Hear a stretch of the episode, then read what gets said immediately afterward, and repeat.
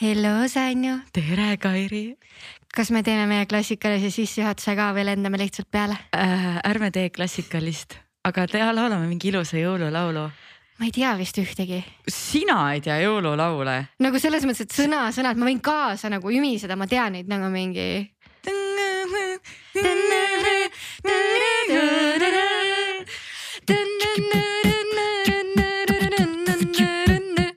Vabandust, kuulajad, et te selle üle pidite elama. Äh, rohkem me seda ausõna ei tee.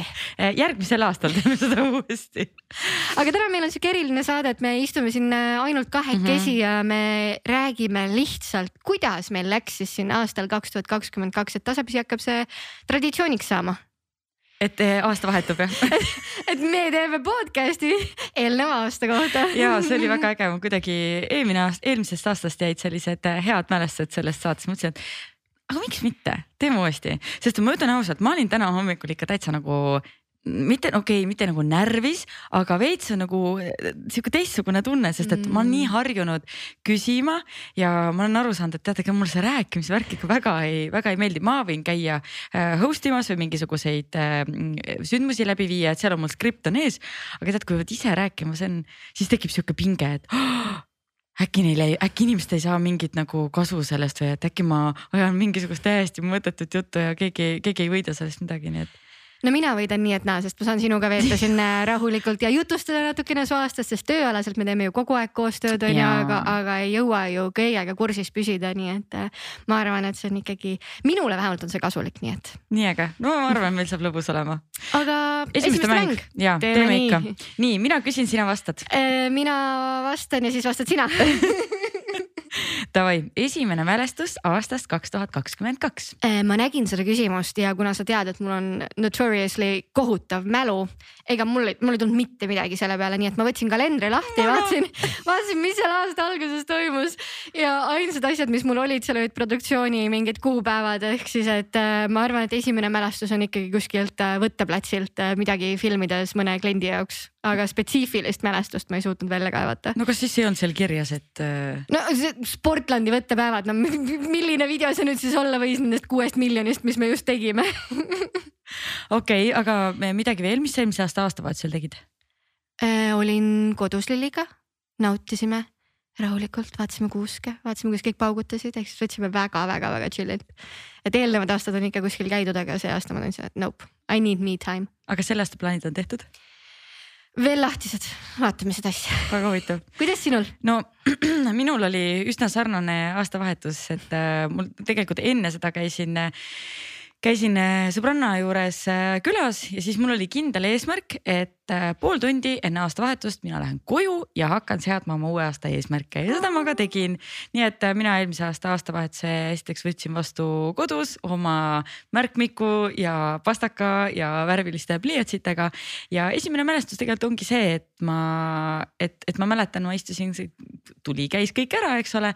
ja istusin ja tegin oma eesmärke, seadsin oma eesmärke siis ma arvan mingi poole poole, kaheni öösel äkki, et väga-väga lahe oli, et ma olen sihuke mulle meeldib vaheldus, et siis ma sain nagu mõlemast natuke, et sain seda peo, peo osa, mängisime seal muusikat ja äh, tegime, kirjutasime selliseid kirjakesi teineteisele, mida siis nüüd järgmise aasta aastavahetusel saame, saame siis äh, lugeda ja siis läksin tegin oma asja. vot, mul Kas oli sihuke värk kas sa oled juba väikse kokkuvõtte ka teinud, et kuidas sul siis eh, need eesmärgid, mis sa seal seadsid, nüüd siis õnnestusid või ei õnnestunud? ja ma tegin selle kokkuvõtte eelmisel nädalal uh. ja, ja ma sain aru, et eh, ma olin selline, ma olen sihuke viiekümne protsendi klubi, et ma viiskümmend protsenti suutsin eh, ära teha muidugi nendest, mida ma aasta alguses panin, mul seal aasta keskel tuli neid ikkagi veel juurde.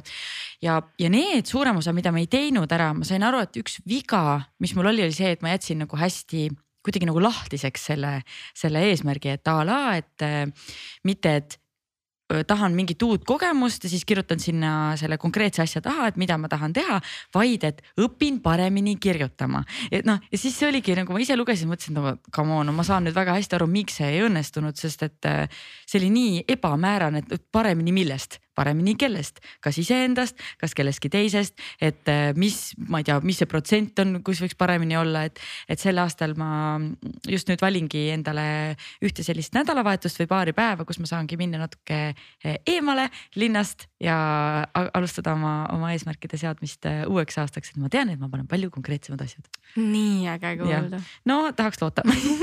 Nii, Kairi, esimest mängu järgmine küsimus. Esimene õppetund aastal kaks tuhat kakskümmend kaks.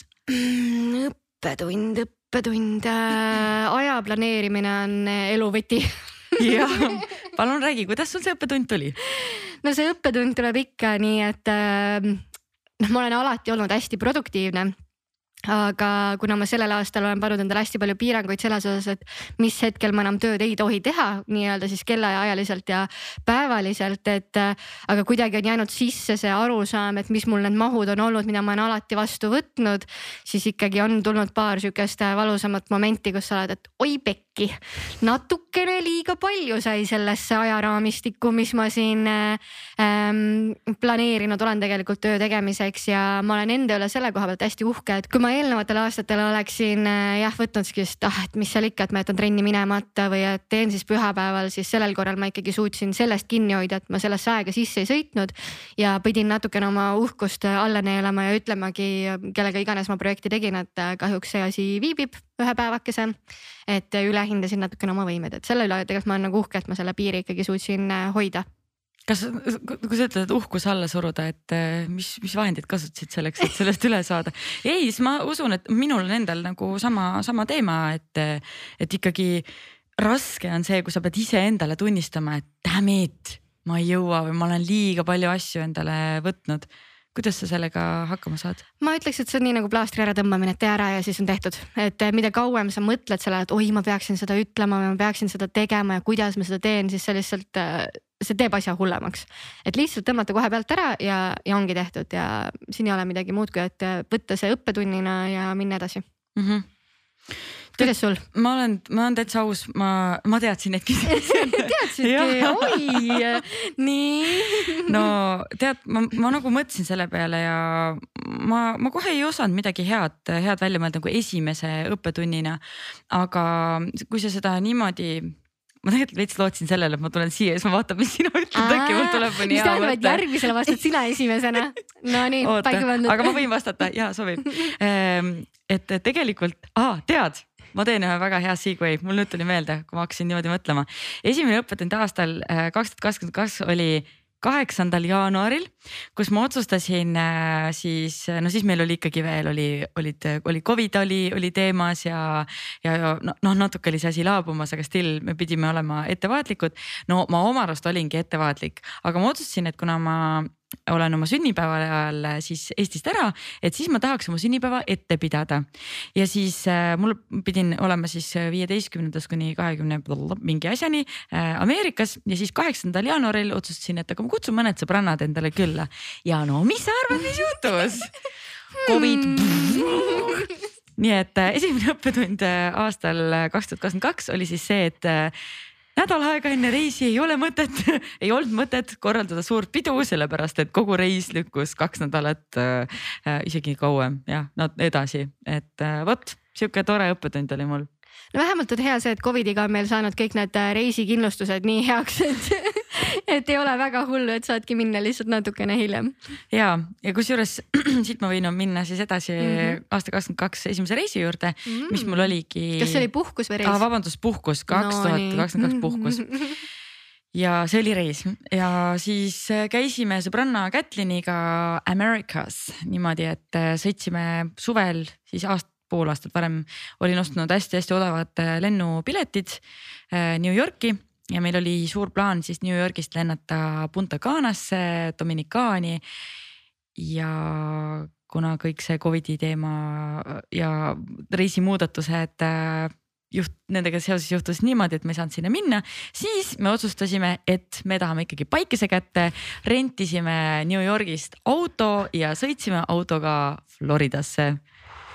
see oli huvitav reis põhimõtteliselt kaks pool päeva sinna ja kaks pool päeva autoga tagasi. kas teeksid veel? ei teeks või siis, kui teeks, siis võib-olla mingit teist teed pidi sõidaks, et see noh, ma mõtlesin küll, mina olen sihuke nagu positiiv, mul on kogu aeg need positiive bands on jalas onju, et ei, kuule, aga ma olen alati tahtnud teha road trip'i läbi Ameerika, et see on nagu osa sellest, et väga lahe. Käts oli küll niimoodi, et äh, no ma küll ei usu, et see nagu nii lahe on, aga no okei okay,, teeme. et äh, ma nagu lootsin, et see loodus on nagu rohkem vahelduv, aga me sõitsime suuresti mööda kiirteid ja noh, see, mis seal toimub, oli crazy et mul oli ikkagi kogu aeg olid käed olid sellest roolist oli nii, nii kõvasti kinni, sest et need noh, need autod, mis, kuidas need seal sõitsid, need, see oli ikka, see oli ikka midagi muud. Äh, aga samas ei, ma ei kahetse seda, see oli väga lahe kogemus, sest et me tegime ikkagi nii, et no me sõitsime, siis me äh, jäime ööks kuhugi sellesse noh, tead need filmides nagu need motellid on, võtsime mingi motellitoa, hommikul vara sõitsime edasi. et äh, see oli väga lahe puhkus, et me saime ikkagi oma päikese kätte, aga järgmine kord ma ikka ikkagi lendaks seda, seda ma enam ei teeks no nüüd on tehtud, vaata linnuke kirjas, et. ja, ja tegelikult, kui ma puhkusest räägin, siis äh, ma nagu Asi on minus naistega olen ka seda, seda, seda teemat hästi palju puudutanud ja, ja nagu mm, sellest teemast rääkinud, et ma ei ole mitte kunagi osanud päriselt puhata ja see on ka põhjus, miks ma aeg-ajalt olen sellise nagu läbipõlemise piiri peal olnud ja, ja sellest piirist ka üle astunud. et äh, ma kuidagi sel aastal tänu, suuresti tänu Sandrale ja Killule, Sandra Vaparnale, Killu Koltsarile siis äh, olen võtnud palju rohkem puhkusi, olen puhkusi ette planeerinud ja kavatsen seda ka sel aastal teha, et kui eelmisel aastal ehk siis kaks, kaks tuhat kakskümmend kaks oli mul nii, et mul oli iga kvartal, ma võtsin ühe puhkuse, üks kvartal jäi vahele äh,. siis nüüd sel aastal ma tahan kindlasti, kindlasti igas kvartalis teha ühe pikema puhkuse ja siis iga, iga kuu natuke puhata, iga nädal ja iga päev natuke puhata, sest et äh, see on vajalik. kuidas sinuga, Kairi? äh,? Esimene puhkus ähm,, mul tuli kohe lihtsalt sinu juttu kuulates, et sa ei suuda nagu puhata, siis äh, väga soovitan Socotra saarele minna, sest äh, Aha. seal ei ole sul muud varianti, sest äh, levi ei ole mitte midagi, sulle keegi helistada sulle ei saa. keegi, sa ei saa sõnumeid saata, sa ei saa mitte midagi teha ja seal saarel ei ole väga mingeid tegevusi mis tähendab, et seal on nagu full puhkus, et sa lihtsalt istud maagilisel ilusal rannal ja loed raamatut või mõtled oma mõtteid ja niimoodi siis äh, seitse-kaheksa päeva järjest, mis sa seal saarel oled, sest lennuk käib korra nädalas.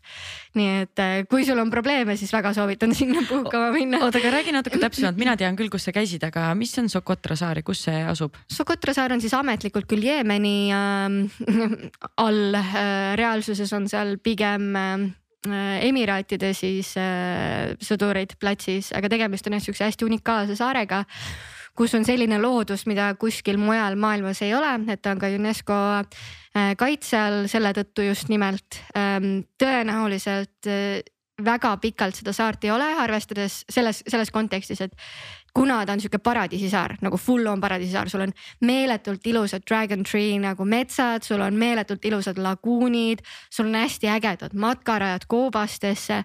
et siis ilmselgelt on ta sihuke maatükikene, mida tahetakse turismi eesmärgil. et täna seal turist käibki ainult üks kord nädalas, kaheksakümmend inimest. et rohkem sinna saarele ei saa, seal mingit infrastruktuuri ei ole, seal autot rentida ei saa. et sinna sa peadki minema ikkagi niimoodi, et sa juba tead, kellega sa lähed, on ju et aga ma arvan, et paari aasta pärast see ikkagi on täielikus muutuses, et, et tõenäoliselt tekivad sinna ka Hiltonid ja kõik muud asjad, et aga praegu see saar ja need küla ja need inimesed see on nii unikaalne kogemus, kuidas ikka inimesed elavad, mulle tehti just majatuuri seal ühe kohaliku poolt ja nad on nii uhked oma maja üle ja see maja on ju tegelikult lihtsalt nagu hunnik savi, on ju. et su köök on lihtsalt nagu koopa sees sihuke väike auguke, kus on üks väike tulease on ju, oh, see on minu köök siin on ju. või et see on meie elutuba ja siis on lihtsalt neli seina ja sihuke matt on nagu maas ju, et see on meie elutuba. nii et see on täiesti nagu müstiline ja kuidas seal ongi, naistel on kaksteist last ja see on normaalsus ja, ja no, no nii sürreaalne kogemus lihtsalt ja neid inimesi kohalikke nähes sa tunned kohe ära, milline on kohalik inimene. Neil on äh, tumepruunid silmad ja selle ümber on sinine äär nagu nii ilusaid silmi ma ei tea, millal ma veel näinud olen, et äh, tõepoolest unikaalne koht, et kui kunagi tekib võimalus sinna minna, siis väga soovitan ähm,. aga arvestama peab jah, et pärast on siis natukene reisikeelde ka, kui te, kui te seal käite, kuna see kuulub siis Jeemeni alla mm. -hmm. oota, aga äh, räägi natuke sellest ka, et äh, kuidas see, sest see, see protsess, kuidas sa sinna said, tegelikult see on ja sest see viib tagasi tegelikult mu esimese puhkuse juurde on ju, et me pidime tegelikult märtsis minema siis Socotrale. Äh, jõudsime paar päeva siis enne seda mõtlesime, et lähme Dubaisse on ju, elame sisse mingi värki-särki, et naudime veel viimast duši, enne kui me seitse päeva telgis elame, sellepärast et seal ju hotelle ei ole, on ju.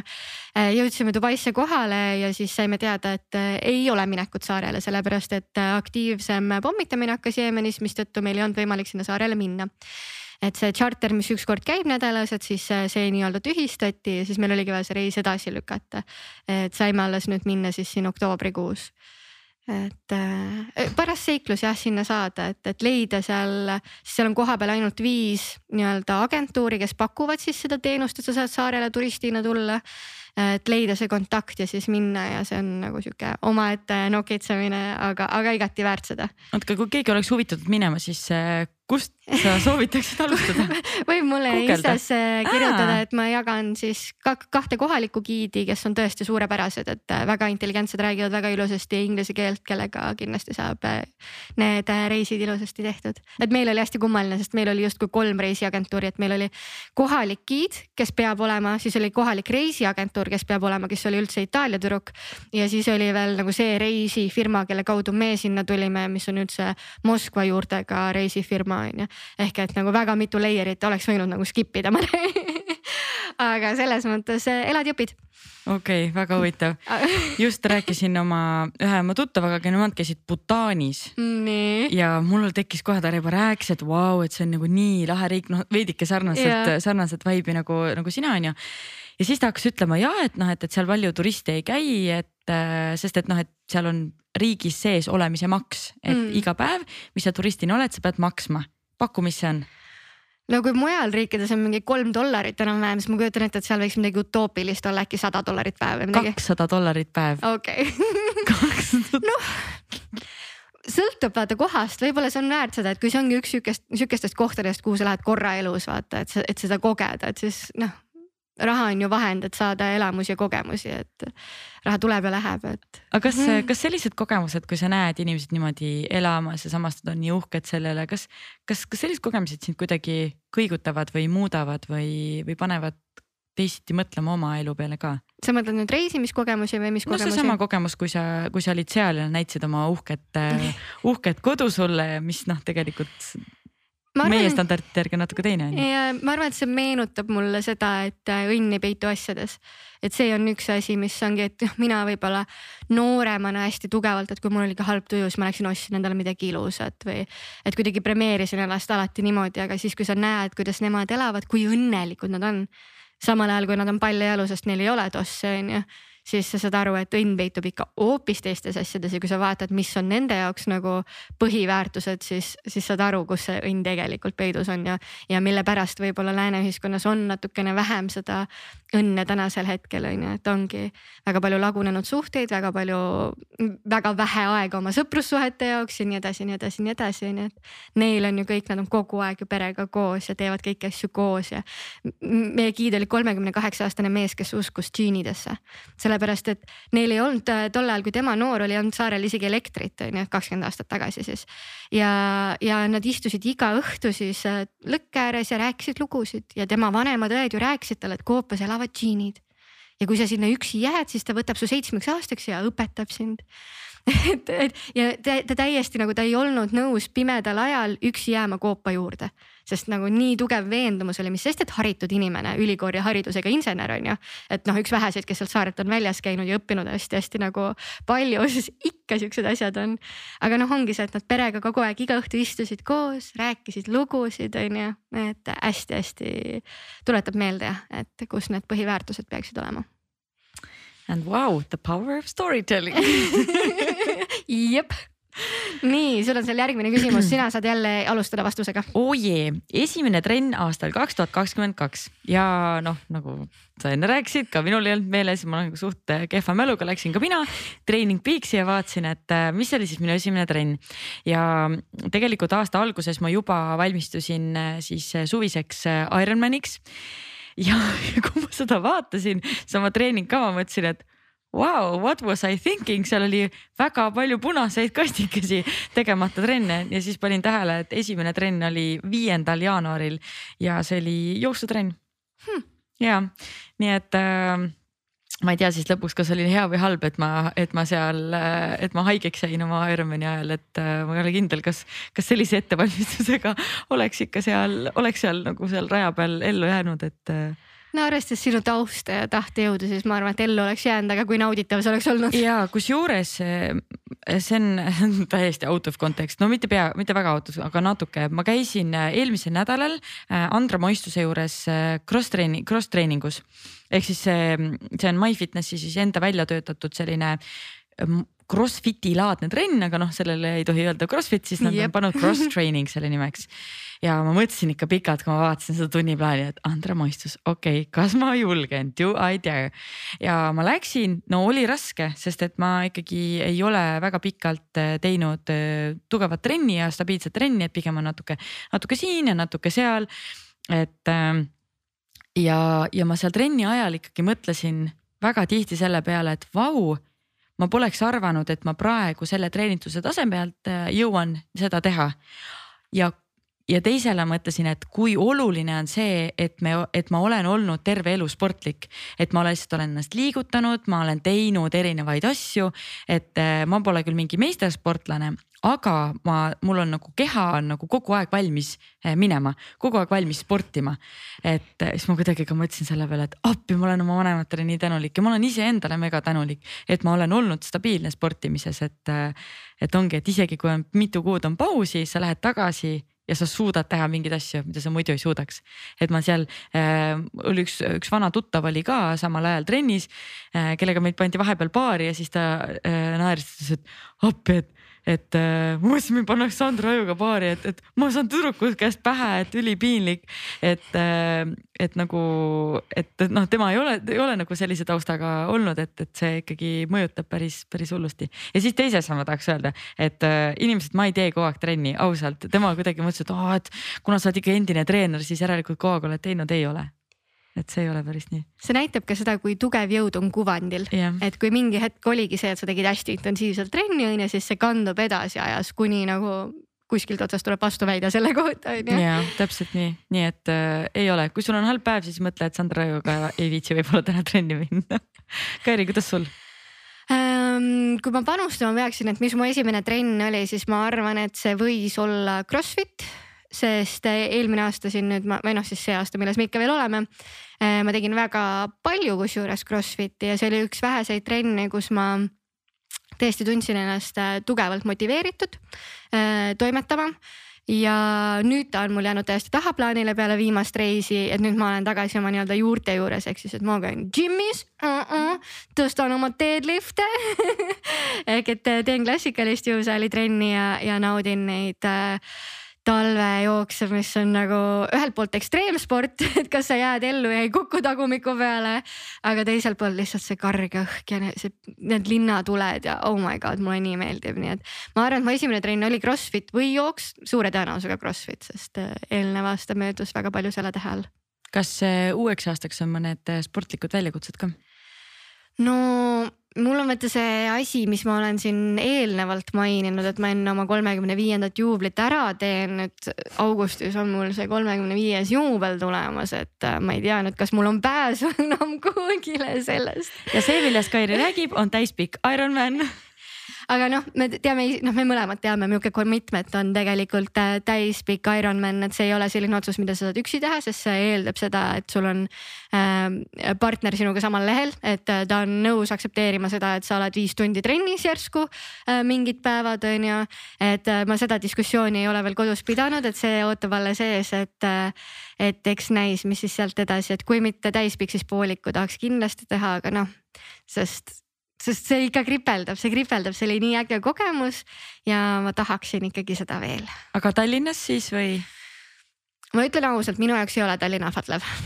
no lihtsalt ei ole, et äh, ma ei tea, praegu on Harkus vist sujumine jah äh,? ma ei tea, mis seal järgmine aasta on no tõenäosus on, et see ei ole väga seksikas minu jaoks, et ma pigem arvan, et ma vaataks välismaa oma mõnda ikkagi mm. -hmm. et siis on nagu uus ja põnev võib-olla. ja reis ka koos sealt no sellega, et ja sest mina, mina ka see on nii äge, äge nagu lahendus, et sa lähed, lähed kuhugi reisima ja siis teed midagi sportlikku ka, et eriti jooksuga, et mõtle, et no, räägin mina, kes pole nagu, olen käinud ainult Rootsis jooksmas niimoodi, aga tahaks küll käia erinevates riikides nõnda jooksmas. kuidas sul tulevad mingid sportlikud väljakutsed siin meil järgmine aasta? ma ei ole veel selle peale väga jõudnud äh, mõelda mm,.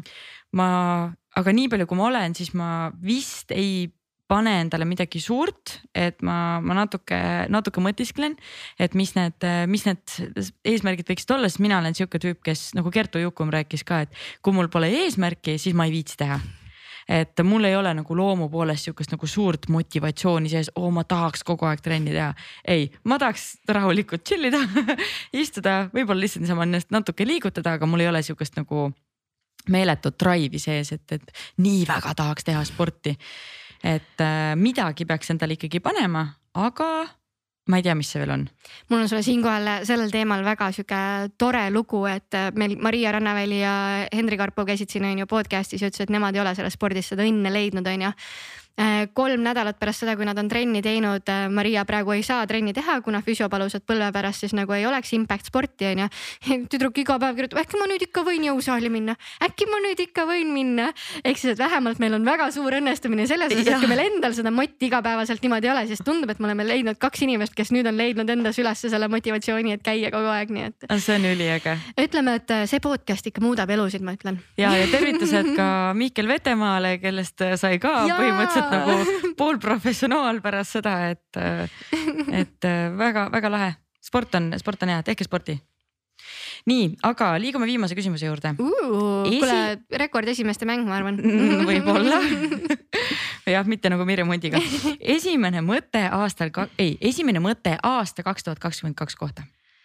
kuradi hea nii, palun räägi no ongi ähm, paljud eesmärgid, mis ma seadsin endale, said ellu viidud, väga palju sai ähm, nii-öelda mugavustsoonist väljas oldud.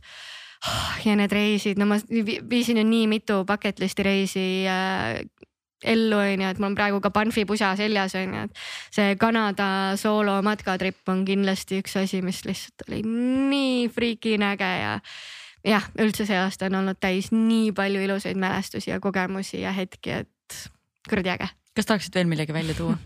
peale Kanada reisi või? kas sa, kas Ei, sa siin nagu... millegi suunas mis tegi selle aasta kuradi ma ägedaks? no mis arvad? kas see oli Red Bull kuidas sul aasta kaks tuhat kakskümmend? mul on ka väga-väga lahe aasta olnud, et äh, ma võin vist sama öelda, mul oli ka kuradi äge et, äh, et mul oli nagu tööalaselt väga äge aasta, sest et äh, enne seda kuidagi oli palju sellist otsimist, et, äh, et mis siis on see ikkagi see minu asi, et, et pärast seda, kui ma treeneriameti lõpetasin, siis oli sihuke nagu väike auk. et ei saanud, ei saanud täpselt aru, et käisid, proovisid ühte ja proovisid teist ja miski nagu väga ei kõnetanud. aga nüüd, kui me eelmisel aastal alustasime Sandra Vabarna ja Killu Koltsariga, siis see asi on minus mm, programmiga või agentuuriga, siis ma saan aru, et jaa, okei okay,, et see on, see on täiega minukas ja sellega ma tahan kindlasti eda, edasi minna ja manifesteerisin endale Peika, mis ka töötas päris hästi, et uh, this shit works, väga soovitan. ja mul oli ka eesmärkidesse kirjas õnnestus ei, aga on, see on, kusjuures see oli, see oli üks, äh, üks mu nagu aasta eesmärk on. aga niisama manifesteerimisest ikka ei piisa, et selle jaoks peab ikka midagi tegema ka on ju, et. Äh, ja minge Tinderisse. ei, minge Bumble'isse oota, aga mul tekkis küsimus, kuidas sina aasta eesmärke sead üldse? Äh, mina tegin eelmine aasta endale vision board'i ühe, üheksa kategooria kohta sellesama Sandra Vabarna lehe pealt, aga valisin siis need kategooriad, mis reaalselt olid minu jaoks nagu olulised mhm. mm. -hmm. ja panin siis sinna visuaali, mis sümboliseeriks minu jaoks seda, mida ma ootan ja tahan. aga kuidas sa tegid, sa tegid seda, lõikasid pildid välja? ei või..., mina tegin Notionis. aa, okei okay.. ehk on... siis, et see on mul kogu aeg nagu silme ees olnud ja olemas aga kas sa käid need kuidagi üle ka, ma ei tea, iga kuu või iga, iga, ma ei mm. -mm, et see on pigem nagu sihuke hooti nagu endale meelde tuletamine, et ei ole regulaarset intervalli, et nüüd iga kuu viimane reede ma istun ja vaatan neid pilte, et sihukest asja ei olnud, pigem oli see, et ma fikseerisin nad enda jaoks ära ja aeg-ajalt tegin nagu refresh'i, et, et, et kuhu suunda ma jooksma pidin. Ah, okei selge, olemas. Okei. No meil on äh, sarnased mõtted, aga mulle tundub ja, et see kaks tuhat kakskümmend kaks oli, oli päris hea, oli päris hea aasta, et, äh, et nüüd äh, ootan põnevusega kaks tuhat kakskümmend kolm aastat aga nagu Be First podcast'il ikkagi kohane, siis äh, räägime. oota, esimeste mäng sai läbi või? ja okay. ja, ja lähme kohe edasi äh, Nonii, räägime tööst. räägime tööst. no räägime tööst. räägime tööst. no skaalal ühest kümneni, kui hea tööaasta oli? sõltub, mille järgi seda mõõta hmm,. võib-olla kui finantsiliselt mõõta, siis ei olnud kõige parem aasta kui mõõta mm, kasvu mõttes, siis oli väga hea aasta nii et äh, sõltub jah, et mis, mis punkt sinna panna, et. Please elaborate. Please, äh, no Sparkiga me siis äh, oleme nüüd teinud viimasel ajal seda laiendamist, mida ma kogu aeg olen rääkinud, et ma ei tee mingit agentuuri siit ei sünni, mingeid inimesi me endale tööle ei võta. siin me nüüd siis oleme neljakesi ehk et äh, lihtsalt ongi olnud äh, palju investeerimist äh, sellesse, et töötajad võetud, töövahendeid soetatud, võetud ette projekte, et kuna üks minu eesmärkidest oli ka sellel aastal natukene rohkem oma loovust avada, siis ma võtsin vastu ka siukseid projekte, mis finantsiliselt võib-olla ei ole mulle kõige kasumlikumad, aga õppemomendil on hästi head ehk et ma sain nagu proovida uusi asju, lavastada täiesti mingit neljakümne kahe minutilist filmi ja nagu teha siukseid projekte, mida ma muidu ei ole nagu teinud, nii et äh, see puudutab siis seda finantsilist poolt. ja mis puudutab seda kasvu poolt, siis noh täiesti pekkis, mis tüdrukud mul on noh. Tä-, nagu ma, ma ei, ma ei nagu ma ei tea lihtsalt, kust ma olen saanud sellised töötajad endale, et äh, joppamine või ma ei tea, mis, aga, aga tõepoolest mega-mega on olnud et see, oleme siukse tiimi endale kasvatanud. no kust sa nad siis said? no ma ei tea, no tulid siin, no üks tuli ühelt poolt äh, kiviga, teine tuli teiselt poolt kivi et äh, hoiad silmad lahti ja head inimest ikka märkad ja siis on see hetk, kui peaks, äh, eriti noh, ongi, et kui nad ise on just otsimas mm, uusi väljakutseid, et siis napsata nad täpselt sellel hetkel, et, et ma loodan, et nad jäävad veel pikalt minuga aga kui on keegi kuulamas praegu, mõtleb, et mm, teda ka sotsiaalmeedia huvitab, ei võta juurde. ei, et, mm -hmm. et ongi, eks neid kirju tuleb päris palju on, et, et tahaks liituda tiimiga, aga ma ei näe, ma reaalselt ei näe, et Spargil oleks sihuke moment, kus me paneme töökuulutuse üles, et me otsime inimest, et jah kliente, kes tahavad tulla, on rohkem, kui me oleme võimelised äh, ära haldama. aga taaskord ma arvan, et hea tiimi loomine noh, see on tuumafüüsika on ju, et seda balanssi nagu ei tasu väga kergekäeliselt kõigutada.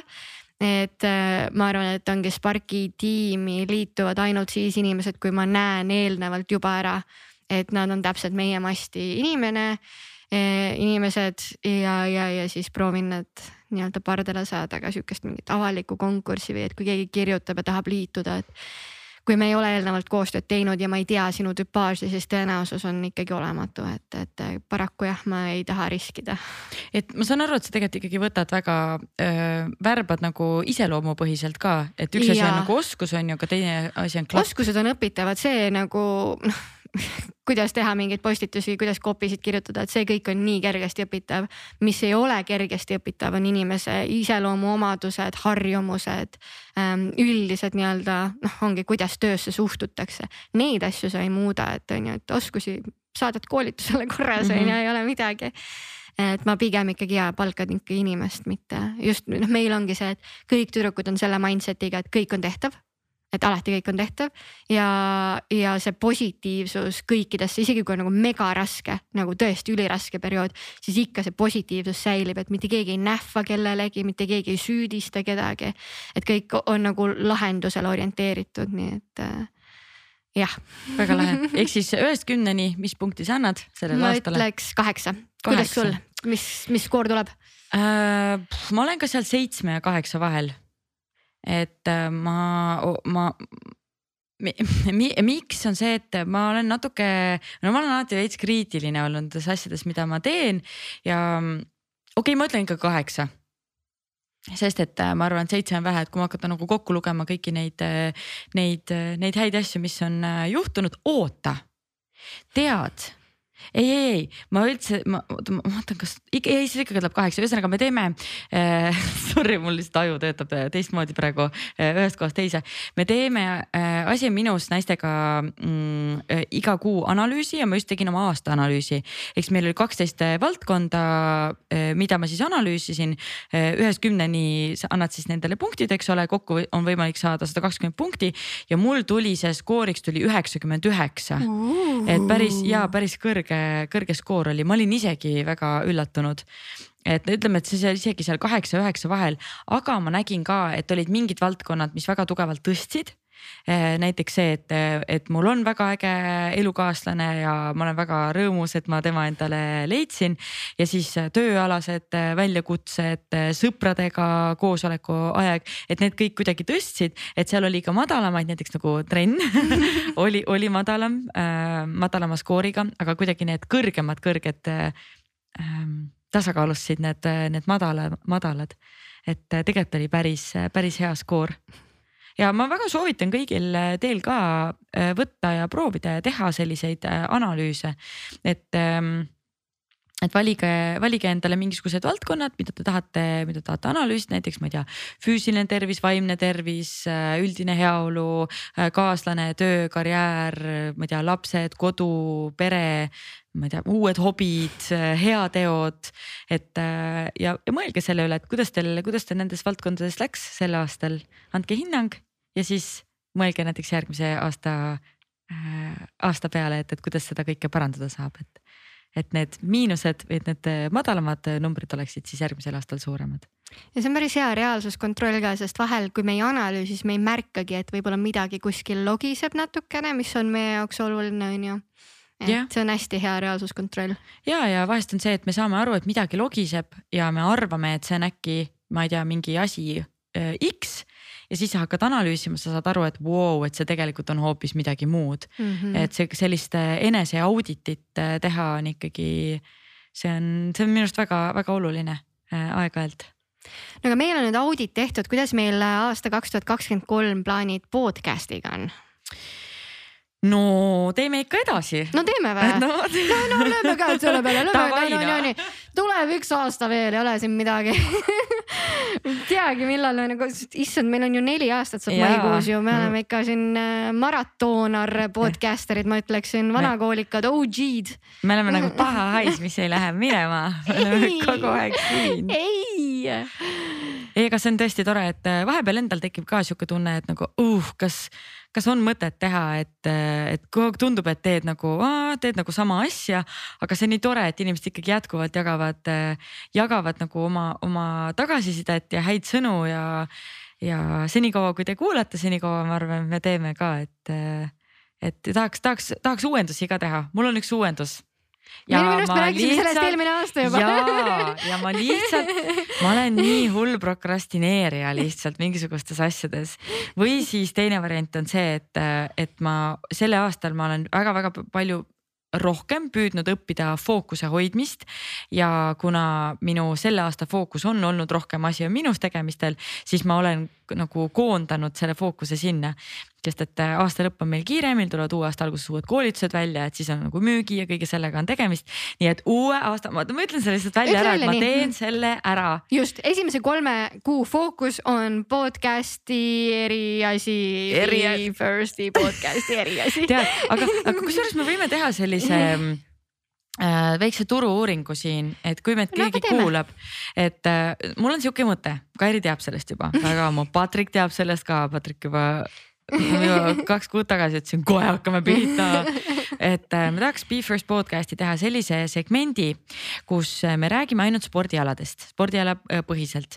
ja tegelikult see mõte tuli mul sellest, kui Kaspar Taimsoo käis meil kunagi külas ja ma mäletan, ma küsisin hästi palju nagu sõudmise spetsiifilisi küsimusi. ja siis ma mingi hetk sain aru, et voo, aga me ei räägi siin sõudmisest, vaid me räägime sellest inimesest.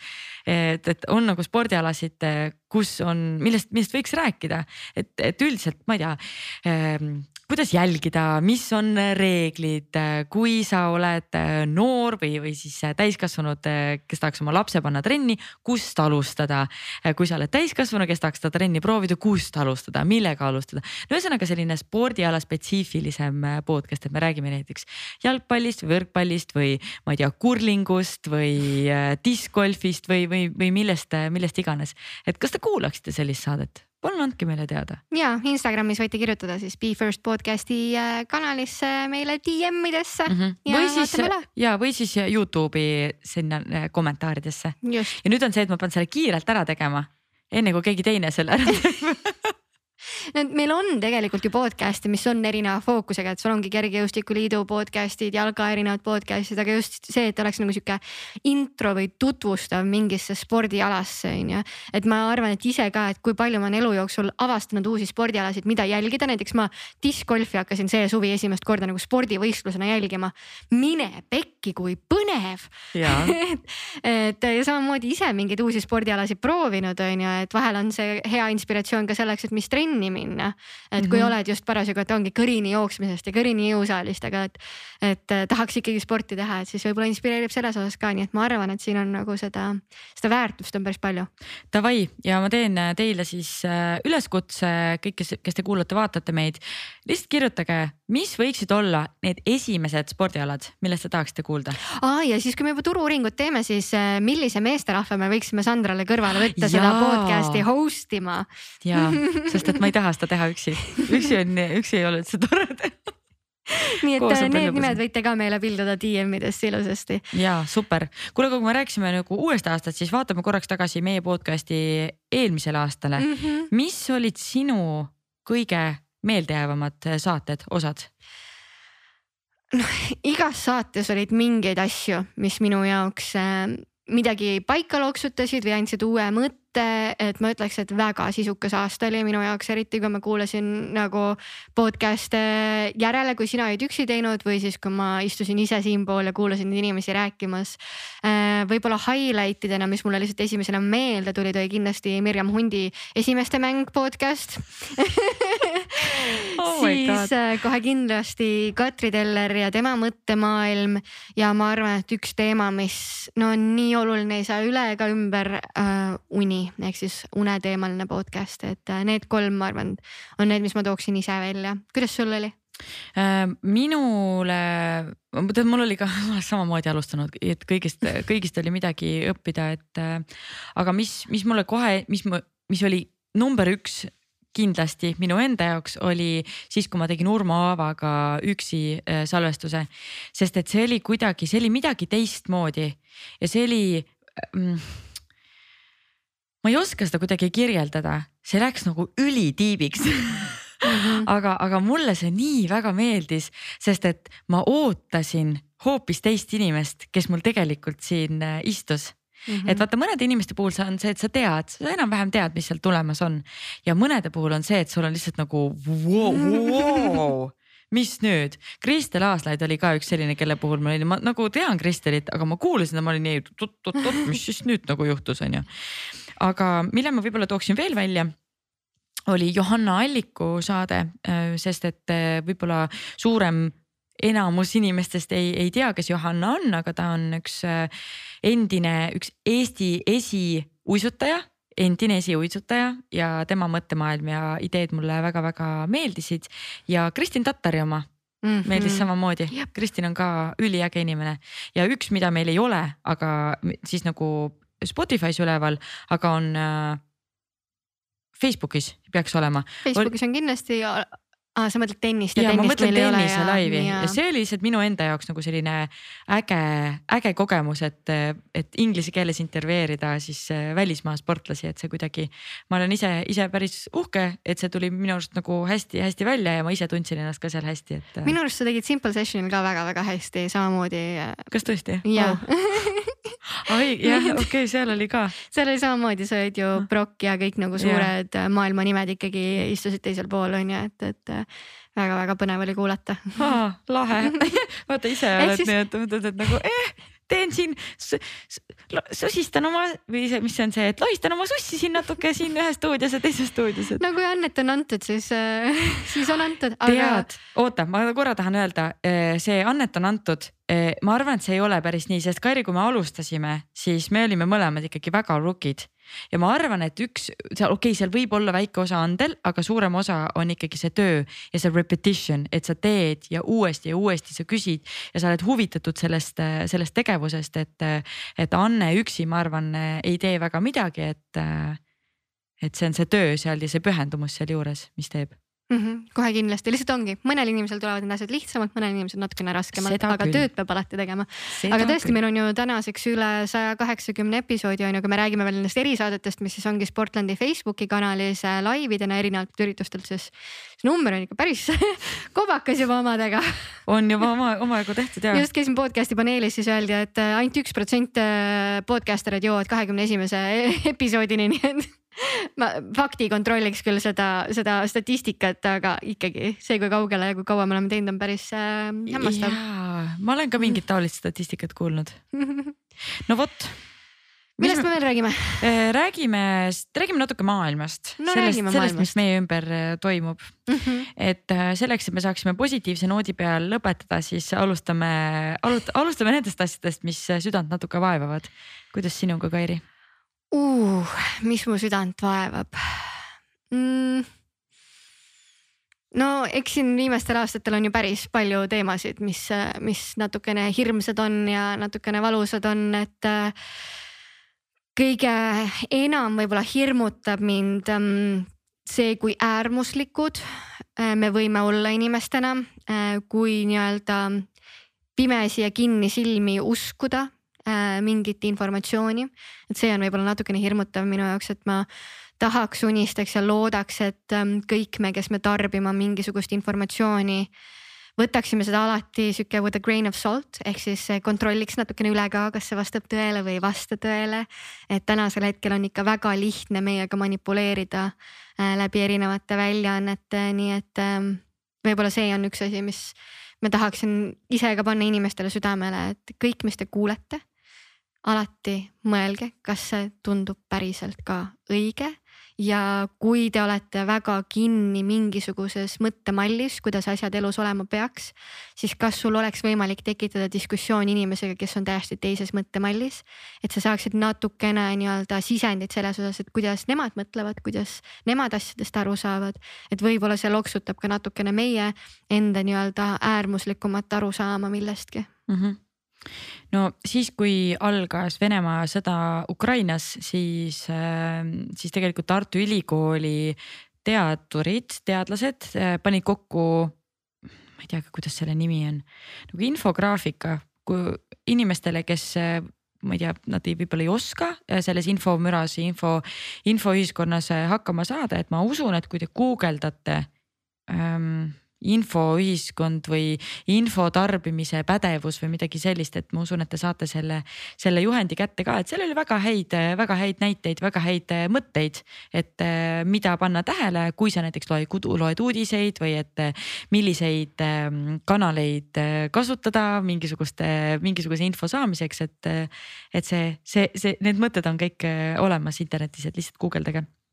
aga kui ma mõtlen, et eh, mis, mis mind vaevab, siis eh, noh, ma ei hakka rääkima sellest majanduslikust olukorrast, mis, mis meil praegu on ja, ja sõjast, mis jätkuvalt eh, Ukrainat laastab ja tegelikult tervet, tervet meie maailma nii majanduslikult kui ka äh, emotsionaalselt, aga ka vaimselt, et siis ma, ma, ma, ma tunnen, et minu jaoks teeb muret ikkagi see, et inimeste vaimne tervis on, ähm, on saanud väga tugeva põntsu. et me kuidagi, me ei ole valmis olnud selleks, mis, mis tuleb. et füüsiliselt mulle tundub, et me isegi oleme kohati tugevamad, kui me oleme vaimselt. ja ega ma täpselt ei tea, mis selleks teha tuleks, et seda parandada et äh, minu arust noh, peaasi teeb väga-väga tublit tööd, aga nad samas mulle tundub, et nad ei jõua äh, piisavalt äh, inimesteni. et äh,, et kuidagi siiamaani on meil veel sees see mentaliteet, et ah, küll ma saan hakkama, pole häda midagi, küll homme lähe, homseks on parem, läheb üle. et aga tegelikult ikkagi ei lähe, et me peame aktiivselt tegelema nii oma äh, füüsilise energia, oma emotsionaalse energia hoidmise kui ka ka vaimse energia siis äh, või vaimse muskli treenimisega, et, et mulle kohati tundub, et, et seda kurbust ja äh, kurbust ja sellist äh, raskust on palju, ma ei oska seda paremini kirjeldada, et nagu ma ise olen ka tundnud sel aastal sellist nagu raskust rohkem. et, et, et varasemalt on sihuke võib-olla sihuke kergust olnud, ma, ma, ma ei oska seda mhm. paremini kuidagi kirjeldada, et lihtsalt sa tunned, et miski nagu rusub ja sa ei saa aru, et mis see täpselt on Mm -hmm. et, ähm, et ma ei suuda nagu panna sõrme peale, et, et mis see on, aga mulle tundub, et need on nagu palju, paljud asjad, mis, mis, mis on, mis igalt poolt nagu tulevad, mingid, mingid info, mingid äh,, ma ei tea, inimesed äh,, mingid olukorrad, ma, ei tea, kuidagi sihuke nagu vahepeal tunned, et on raske olla olnud mm. -hmm no mulle meeldivad sa peaasja välja tõid, aga tunnen, et äh, kõik on ikkagi suuresti meie enda kätes, on ju. et, et ega muud moodi ei saagi, kui ise hakata kuskilt otsast pihta, et, et sina tegelikult oled ju päris palju praktiseerinud erinevaid vaimse tervise hoidmise nippe, et äkki sa saad juba ise omast kogemusest jagada mõndasid, et siis, siis saavad inimesed hakata otsast toimetama, et kui neil on täpselt mm -hmm. samamoodi sihuke raskuse tunne mm. -hmm. Kui ma täiesti aus olen, siis esimene, esimene vaimse tervise hoidmise nipp on äh, uni mm. -hmm. et äh, püüdke saada kätte oma seitse kuni üheksa tundi äh, kvaliteetset und iga, iga öö. jah, kui on tarvis, siis võite vabalt teha, aga ka päevaseid näppe aga, aga see ööuni on ikkagi see, mis, mis meid, mis meid suuresti nagu vaimse poole pealt äh, toetab. mul on siin võib-olla ääremärkus ka une kohta, et tihtipeale, kui äh, elus lähevad asjad raskeks, siis noh, majandus täpselt samamoodi, kui majandus läheb raskeks, siis me näeme, et üks valdkond tõuseb ja see on alkoholimüügi valdkond tõuseb suuresti. ja me peame väga selgelt aru saama, et alkohol mõjutab meie vaimset tervist suuresti. ühelt poolt ka juba sellepärast, et kui me tarbime seda, siis meie uni on ebakvaliteetsem on ju, et sellepärast ma võib-olla selle siin ka välja tõin. et mm, -hmm. et, et panna ka sellele natukene tähelepanu, et kuidas need nii-öelda lihtsamad parandamismeetodid justkui või tuju tõstmise meetodid pikas perspektiivis meie, meie vaimset tervist mõjutavad, aga mm -hmm. jätka. ei, see oli, see oli väga hea, väga hea mõte no ma ei hakka, ma, see tundub nagu triviaalne, et hakata trenni siin mainima, sest et see, seda peaksid kõik inimesed teadma, et liikumine on miski, mis, mis aitab vaimse tervise heaolule väga-väga suuresti kaasa. ma nägin aga... just eile jumala ägedat tsitaati selle koha pealt, et kui mõtted ei liigu, siis liigu või midagi sihukest. et, et kui sul on nagu mingid negatiivsed mõtted, mis ei taha ära minna, siis mine liigu, sest liikumine paneb ka mõtted liikuma. ja see oli nagu nii äge kontseptsioon, et ma olin nagu oh my god, jaa, nii ongi.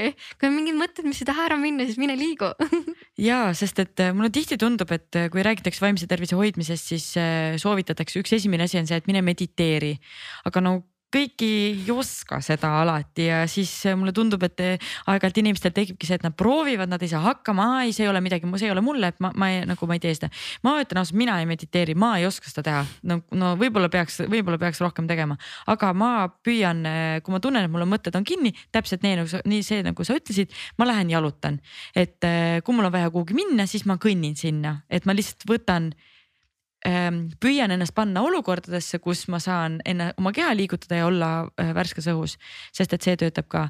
ja kui ma, kui ma nüüd midagi ühe asja peaksin veel ütlema, siis ma arvan, et see on aja planeerimine, mis minu vaimset tervist on, on nagu väga-väga palju äh, aidanud et, et mõned inimesed kuidagi ütlevad, et aa jaa, kuidagi mingi spontaansus kaob, kaob ära, et mulle meeldibki, et, et kõik on nagu ma, ma saan lihtsalt minna sinna, kus ma tahan. aga minu puhul see ei tööta, et minu puhul just aja planeerimine loob seda ruumi spontaansusele juurde, et et see ei ole see, et aa, et või minu jaoks spontaansus ei ole see, et ma võin ükskõik mis kell seda teha, aga ma näiteks iga päev kella kuuest kella üheksani võin olla hästi spontaanne ja teha ükskõik, mida ma tahan, ehk siis see spontaansus on nagu tege tegevustes. aga see on võib-olla väga hea tähelepanek, et sa tõid välja, et võib-olla kõigile see ei tööta, ehk siis, et võib-olla üks nendest soovitustest on ka see, et analüüsida, et mis sinu jaoks töötab.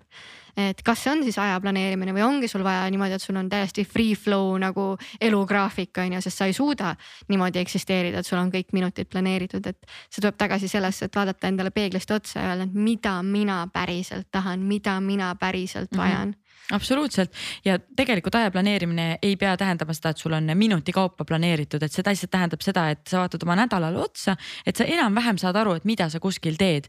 ja noh, kõige olulisem osa sinna on planeerida sisse endale treeningud mm, -hmm. et sa panedki näiteks nädala alguses või eelmise nädala lõpus endale juba kalendrisse treeningud paika, sest et siis need on seal olemas ja need on, no come on, need on kalendris paigas, sa ei saa neid ära liigutada.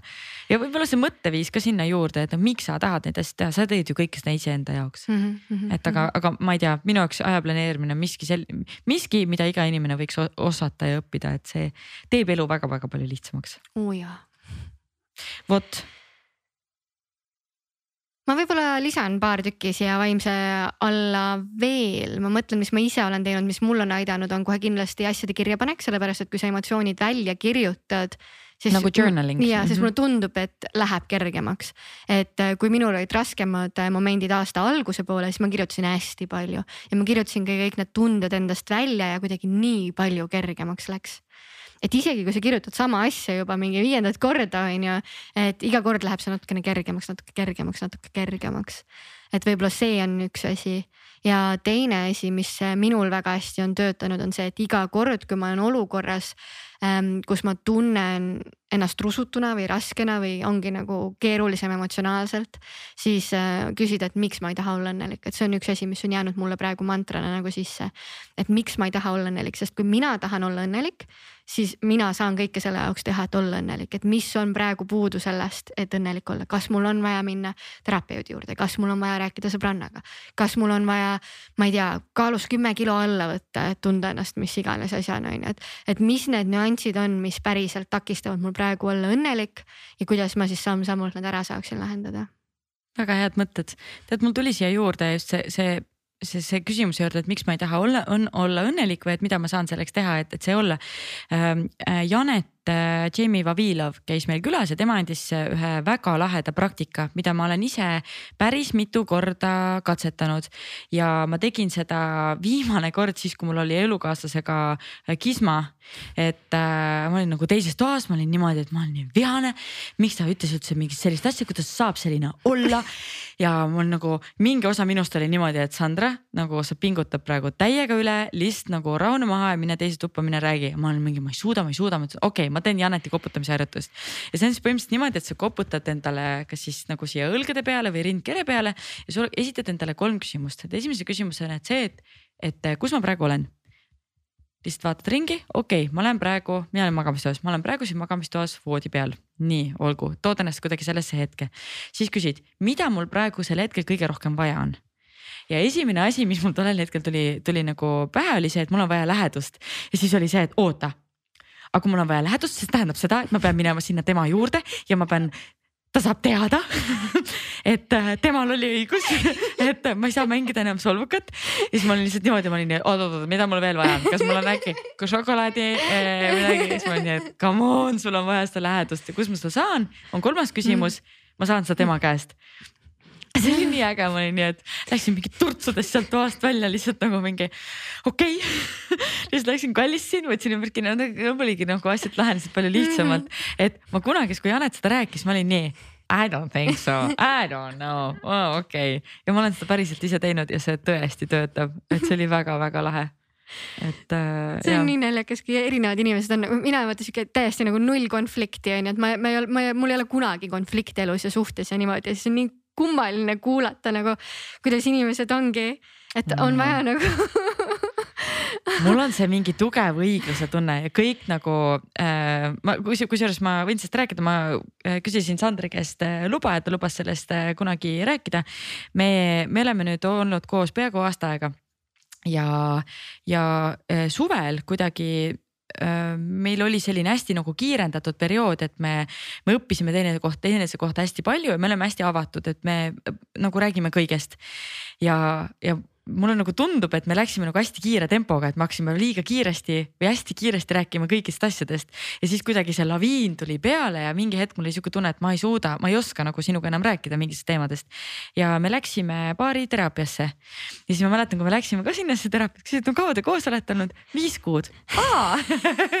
et juba tulete siia jah et me mõtlesime, et ja, et aga meie, meie eesmärk ei ole nagu, kõik on nagu okei okay,, me tahaks, et asi oleks veel parem mm, -hmm. et me tahaks nagu ennetada neid, neid, neid, neid ma ei tea, neid, neid kismasid, mida või neid arusaamatusi omavahel, mis on ka võib-olla ees tulemas. Mm. -hmm. et me võtsime nagu, võtsime nagu profülaktilise lähenemise sellele. Ja siis äh,. oota, miks ma seda praegu rääkima hakkasin, sellel oli mingi point. No juba oh see on ja, ja et äh, oota no juba see on väga hea point tegelikult, et ongi alati nagu leia, leidub lahendusi ja alati ei pea laskma asjadel eskaleeruda, onju. Mhm. et see on ka väga hea. aga nad ikkagi eskaleeruvad vahepeal, et ma aga olen ju lihtsalt siis oletegi inimtüübid onju kõigil. nüüd mul tuli meelde, mul on ju see, et mul on nagu mega tugev õigluse tunne sees mm. -hmm. mul on see, et mul on vaja teada, kes oli süüdi mm. -hmm. ja kõik psühholoogid, kõik pereterapeudid ütlevad, ei ole, suhtes ei ole vaja leida süüdlast, on ju Mm -hmm. Oota, aga mis sul see miks, miks sul see, mis sul see miks sellele vastus on, et miks on vaja leida süüdlane? ma ei tea, sellepärast et mul on vaja endal teada, et äh, kas, kas see oli minu süü, et kui see oli minu süü, siis ma tean, mida ma pean järgmine kord tegema paremini või endas midagi näiteks muutma mm. -hmm. et seda, et seda olukorda ei tekiks järgmine kord. sest et kui on nagu selline olukord, et tema on süüdi näiteks mm Mhm. -hmm. või see, see probleem tulenes näiteks teisest inimesest ja see ei ole ainult romantilises suhtes mm, -hmm. see on nagu kõigis suhetes yeah. mul. et äh, mul on lihtsalt vaja teada, et kui see oli, kui asi oli minus mm, -hmm. siis mina hakkan seda muutma, aga kui asi oli teises inimeses mm -hmm. ja minuga oli kõik, minu poolt oli kõik fine, siis ma ei hakka muutma seda, mida ei ole vaja muuta. ehk siis minus ei ole nagu see probleem selles hetkes, et ma ei hakka tegelema probleemi lahendamisega, mida ei eksisteeri. mm. -hmm. ma ei tea, kas see on loogiline. jah, ei, see on väga loogiline, ongi lihtsalt võib-olla minu kontekstis ongi see, et kui sul on nagu tandem on ju, et sul on kaks inimest, siis ei ole võimalik, et kogu süü lasub ainult ühel inimesel või kogu süü lasub teis- nagu ainult ühel poolel. sul on väga Et- hea suhe lihtsalt. ei, aga selles mõttes, et see on ikkagi, et noh, alati on mingil määral kas meie tõlgenduse küsimus või noh, et siin on nii palju neid nagu mõjutajaid ja kui su lõppeesmärk on lihtsalt jõuda lahenduseni, siis tegelikult ei ole ju oluline, kes see süüdi oli, oluline on see lahendus ja selle tee leidmine nagu, et mis iganes viis see siis ka ei ole. Sandrale meeldis see, mis ma just ütlesin. ei, ma saan, ma ütlen nagu täiskasvanud inimene minus saab sellest jumala hästi aru, mis sa praegu ütlesid ja ma iga kord proovin seda implementeerida, aga no kurja see ei õnnestu alati.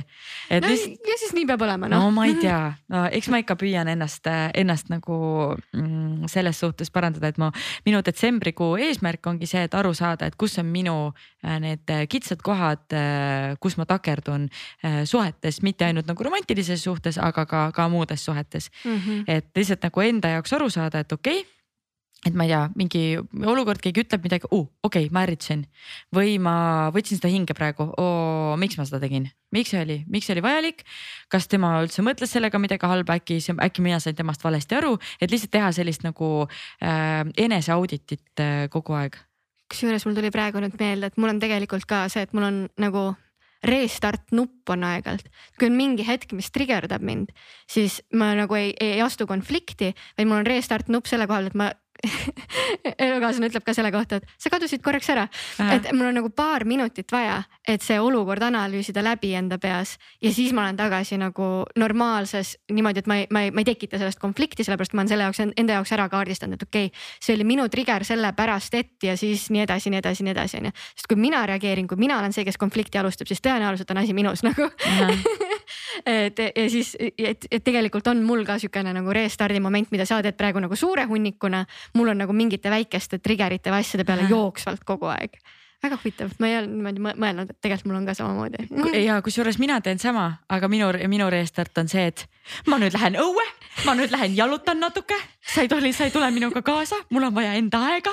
et nagu sina vist oled sihuke nagu calm and collected, oled nagu oma peas, aga mina nagu müts pähes, tossud jalga, kõnnin peaselt viis minutit õues, siis olen tagasi, okei okay,, asi on minus.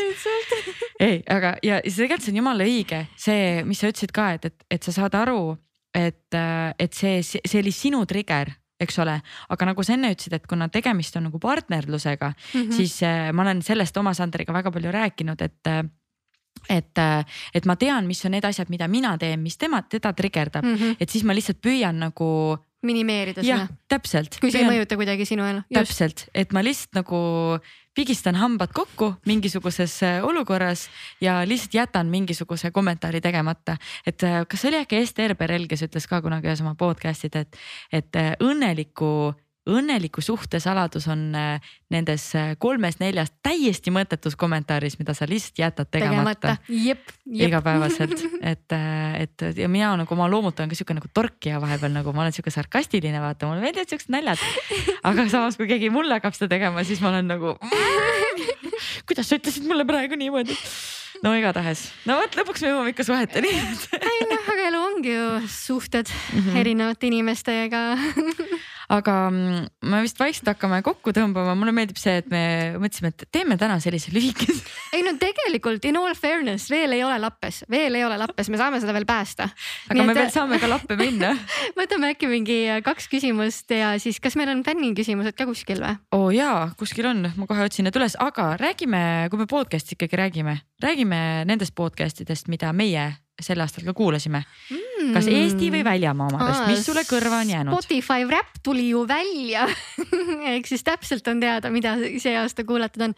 ma olen ise see aasta muidugi kuulanud pigem audioraamatuid, nii et podcast'e natukene vähem, aga üks podcast, mille ma olen siis tõesti endale tellinud, mis on siuksed kolmetunnised on ju, on siis Sam Harris Making Sense et äh, paratamatult mulle ikkagi väga meeldib, kui intelligentsed inimeste, inimesed olulistel eluteemadel, issand jumal, Sandra näitas mulle praegu fänniküsimuste mahtu et mulle meeldib, kui äh, intelligentsed inimesed arutlevad olulistel teemadel, nii et äh, see on üks podcast, mis mul on alati topis.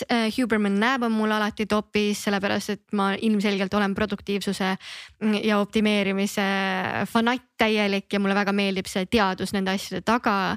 kõik see pisikesed asjad, et kui sul on läpakas allpool, siis tõenäoliselt sa oled unisem, kui sa tööd teed, on ju, siis see peaks olema silmade kõrgusel, et sa ei vaataks alla, sest meie närvisüsteem on niimoodi ehitatud ja mingid sellised väiksed nüansid mulle nii, nii, nii meeldib sealt äh, tarbida ja saada. ja siis otse loomulikult kuulan Eesti omasid, et endiselt kuulan Täitsa Pekkis podcast'i e,. siis äh, eile kuulasin esimest osa Bitch'i ehk siis Brigitte, Susanne Hunt, Epp Kärsin ja Mihkel Raud äh, oli siis see osa, mis ma kuulasin. väga hea vestlus minu arvates, väga palju pointe, mis nagu võiks elus rohkem, et me võiks seksist elus rohkem rääkida lihtsalt ja juba varasest east, sellepärast mm -hmm. et see, kui paljud inimesed äh, teevad halba seksi ja mõtlevad, miks nad sealjuures õnnetud on. Äh, see number tundub jah natukene liiga üüratu, et aga see ongi lihtsalt sellepärast, et me ei tea, me ei tea, kui me ei, kui meid ei õpetata, kuidas rääkida ja kommunikeerida, siis me ei oska seda, kui meid ei õpeta, kuidas süüa teha, siis me ei oska, kui meid ei õpetata, kuidas seksida, siis me ei oska. nii et äh, jah, see oli ka väga huvitav avastus mm, -hmm. et ma teisi saateid ei ole praegu kuulanud, aga võib-olla need tooksin välja lihtsalt siia. just selle, see on väga hea, et sa selle seksi teema välja tõid, et, et üks asi on see, et meid ei õpetata, aga teine asi on see, et seda räägitakse juba väiksest saati, et see on nagu mingi tabuasi mm -hmm. või et mhm. umbes, et, et see on midagi, millest ei tohi rääkida. kaks inimest teevad seda salajaamadu, see on privaatne. Ja hoidke sellest eemale, seda ei tohi teha nagu no mis asja, et ähm, ja mina olen ka selle poolt, et nendest asjadest tuleb, tuleb rääkida, sest et noh, muidu ongi, et need äh, noored inimesed lähevadki kuhugi, ma ei tea mis iganes need on, need no, mehed vaatavad, ja ongi viieteistaastane poiss vaatab ja. pornot ja mõtleb, et nii käibki seks ja, ja siis on nagu oo, ei käigi. Oh dear lord. The reality hits. Nii et kõik te lapsevanemad, kellel te on teismelised poisid või tüdrukud, siis rääkige nendega, mis see seks tegelikult olema peaks, kuidas see peaks ikkagi olema emotsionaalne hingedevaheline seos selle jaoks, et see päriselt oleks äh, nauditav, on ju, mitte jah, mitte porno. Väga armas aga minul päris paljud, äh, mitte päris paljud, aga üks, üks tegelikult äh, kattus. Äh, täitsa Pekis saadet kuulan, kuulan ma ka aeg-ajalt.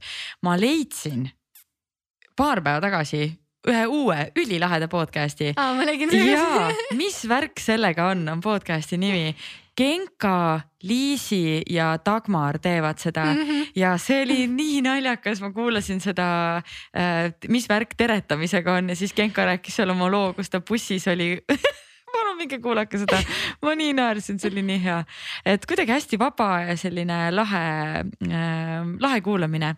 ja Huberman Lab minul ka täpselt mm -hmm. samamoodi nagu sul, Sam Harris oli ka mul eelmise aasta Wrapped topis. ja see on, see on üks podcast, mida ma ise ka aeg olen kuulanud aeglasemalt kui üks, kui originaalkiirus. ma kuulan ikka kiirenduse all. okei okay,, mul on see, seal ma tahan, aga ma pean niimoodi, okei okay,, nüüd ma pean keskenduma, ma pean kuulama selleks, et sellest aru saada. ja minu viimase aja äge leid on äh, sihuke asi nagu The Happiness Lab Uh, with uh, doktor Laurie Santis ja nad räägivad ka hästi paljudest erinevatest teemadest ja selline science uh, teaduse teaduse taustaga siis lugu, lugude jutlustamine on väga lahe saade väga-väga soovitan. võtan endale kuulamise listi. ja vot ja millest me veel tahame rääkida? ma arvan, et võtame need fänniküsimused ette, sellepärast et võta sealt, ma arvan, kolm tükki. Kairi, vaata hell, me oleks pidanud nendega alustama. me oleks pidanud terve saate tegema ainult neist ja nii, okei okay., Liisa tahab küsida, kuhu Kairi vlogmas jäi? oi, see on kõige populaarsem küsimus mu DM-ides terve detsembri algus siin praegu tõepoolest, et sellel aastal ma Vlogmassi ei tee, et ma arvan, et kõik, kes on Vlogmassi teinud, teavad, kui ajamahukas see on, et üks asi on see, et äh, sa filmid päevas kõiki hetki, teine asi on see, et sa monteerid seda iga päev üks koma viis tundi. Oli minul nagu see limiit on ju. et ma tõmbasin sealt piiri, et ma tean, et väga paljud monteerivad veel pikemalt tegelikult neid vlog'e. Äh,. aga kui ma lõin kokku selle, et kakskümmend neli päeva, üks koma viis tundi, kui palju see on aega, mida ma saaksin äh, veeta oma Peikaga ja oma sõpradega siis ma otsustasin, et see aasta on mu fookus pigem seal aga järgmine aasta ma olen tagasi väga lahe. sest see pakub ikkagi mulle meeletut naudingut, nii et äh, senikaua minge vaadake äh, Mirjam Hundi äh, vlogmassi. üldse tegelikult väga palju erinevaid vlogmasse on, nii et, et pange silm peale okei okay,, siin on külaliste kohta, ma võtan mingi ühe kokku võtma. unistuste saatekülaline, kellega kaks tuhat kakskümmend kolm jutustada tahaksite? no nii, Sannu, kellega sa tahaksid jutustada? appi, ma ei tea, mul ei tulegi nagu kohe praegu kedagi sellist pähe. tead, ma tahaks ikkagi selle Gerd äh, Kanteri meile siia saada, ma olen teda mingi kolm aastat, Gerd, kui sa seda kuuled, palun vasta mu meilile sellele kuuendale, mis ma sulle saatnud olen. oota, oota, mul on telefoninumber olemas, helistame lihtsalt tõmbame lihtsalt kõne peale ka praegu. ma saan aru, et tal tegelikult oli päris äh, tempokas aasta, ta vist äh, oli, oli treener ja, ja manageeris erinevaid sportlasi mm., nii et okei okay,, okei okay., aga tema tahaks küll kätte saada. Patsuun mm. -hmm kes sul? sa ise viskasid õhku äh, Nublu, nii et Nublu oleks tegelikult inimene, kellega ma tahaksin vestelda, et äh, sain kahjuks äh, vastuse, et veel ei olda valmis podcast'is meiega vestlema, aga, aga proovime järgmine aasta uuesti. nii, nii, nii, kui palju olete jõudnud tegelikult lugeda saatekülaliste raamatusoovitusi? mina, mul on aeg-ajalt, ma ei võtagi neid väga niimoodi, sest ma olen sel aastal väga halb raamatute lugeja olnud, ma olen pigem podcast'e kuulanud mõned, mõned ikkagi on, on nagu lennanud sinna to read kausta minul, ma ei tea, kuidas sinul? no ma ütleks, et mingi kuuskümmend protsenti raamatutest, mida soovitatakse, on mul juba läbi loetud tegelikult, et väga palju on nagu tuttavaid teoseid mm,. ja sellel aastal ma arvan tegelikult, et minu raamaturiiulisse, nii et ma läbi lugesin ka soovituste pealt on mingi kolm-neli tükki tulnud mm. -hmm, mm -hmm. nii, nii, nii kas on olnud ülbeid ja ebameeldivaid saatekülalisi? ei, ei., me ei kutsu siia ülbeid inimesi. meil on ainult kõige ägedamad inimesed. kui pikka perspektiivi näete Be First podcast'il? kaheksakümneselt tarume siin stuudiosse sisse ja teeme veel saadet. jah, saade number tuhat kaheksasada seitsekümmend seitse. liituge meiega Metaverse'is appi, appi, appi, appi, kui palju jääte külalistega pärast saadete lindistamist suhtlema? Seda ikka tekib jah no meil Aega. on lihtsalt see error on ju, et meil on suht tempokas see mm -hmm. üleminek, et kuna me oleme äh, optimeerime oma tegevusi, siis meil on mitu saadet üldjoontes järjest ja siis, siis paraku on vaja nagu suht tempokalt äh, järgmine juba võtta äh,. okei okay,, ma paar võtan veel äh,. kuidas te saatekülalisi valite, kas oma kogemusest ja kokkupuutest või kellegagi soovitusel või kuidas? No teeme selle võib-olla selgeks, et, et me oleme Sportlandi podcast, mis tähendab, et eeskätt me ikkagi kutsume siia neid inimesi, kellega Sportland koostööd teeb, sellepärast et me tahame tutvustada laiemale auditooriumile, kui ägedad inimesed need on, kellega me koostööd teeme, vahet pole, kas on siis mingi reklaamkampaania, uus sportlane, keda sponsoreeritakse, mingi uus äge üritus, kus Sportland on sponsor. Et, et see on nagu esimene nii-öelda level, aga samas meil on siin veel mingeid leveleid mm. -hmm, mm -hmm. sain ju, mis need levelid on oota, ma vaatasin küsimusi, millest sa rääkisid mille järgi me veel saatekülalisi võtame lisaks sellele, et nad on Sportlandiga seotud, et äh, vahel on meil mingid teemad, mis ja vahel on, on te teemasaated, siis on, äh, on lihtsalt on ägedad inimesed, mul on vahest see olnud, et, et ma olen kuidagi inimesega kohtunud kuskil, mõtlen uh, kuule, üliäge inimene, davai, räägime mm. -hmm. aga noh, fit peab olema ikkagi, et ta peab olema ikkagi yeah. see be first ja ta peab ikkagi olema yeah. nagu seda küll, seda küll jah, nagu mingi it factor peab olema. siin on üks naljakas küsimus, miks Sandra alati vasakul ja Kairi paremal kallutamas pead paremale Sandra alati vasakule kallutab paremale, mina kallutan vasakule või? Sest me vaatame vist äh, külalist niimoodi vaata seal üle selle händi, sest oh, mina, ma ei saa paremalt poolt vaadata, sest ma ei näe ja sinul on just vastupidi, sest sul tuleb ju teiselt poolt, ehk siis tõenäoliselt sellest, et me näeksime külalist, tuleb see kallutamine. aga nii tore, et te meie video podcast'i ka vaatate ja näete meid seal päriselt okei okay,, võtame kaks veel. issand, nii palju siis kolmest. no ei saa aru, sorry, ma ei saa äh,. selle aasta ahaa-moment oli uh, see on nii raske küsimus ju. Shoot. Thanks mm, Anita. okei okay,, okay. see ahaa-moment on äh, selline moment, mida mu sõbrannad on mulle nüüd tsiteerinud hästi palju. lugesin äh, läbi siukse raamatu nagu How to not die alone ja seal toodi välja, et äh, alati peaks iga inimesega käima vähemalt kahel kohtingul, sellepärast et esimene kohting ei loe. kuna mõlemad osapooled kipuvad olema tihtipeale närvis ja täpselt samamoodi oligi nagu praeguse Veikaga ka siis, et, et automaatselt peale esimest kohtingut ma ütlesin jah teisele kohtingule, ma isegi ei mõelnud sellele ja mul on nii hea meel, sellepärast et noh mis, mis ma nüüd olen kõik sellest võitnud, on ju. et võib-olla ongi, et esimesel kohtingul võib olla nagu see, et kas, kas mina olen liiga kinnine või nagu või, või, või läheb teema kuhugile siuksesse kohta, mis tundub nagu nii weird või noh, ühesõnaga inimesed on närvis ja see ei pruugi olla üldse see, mis nad on. nii et äh, see oli võib-olla minu jaoks sihuke ahaa-moment ja mu sõbrannad kogu aeg tsiteerivad mind nende.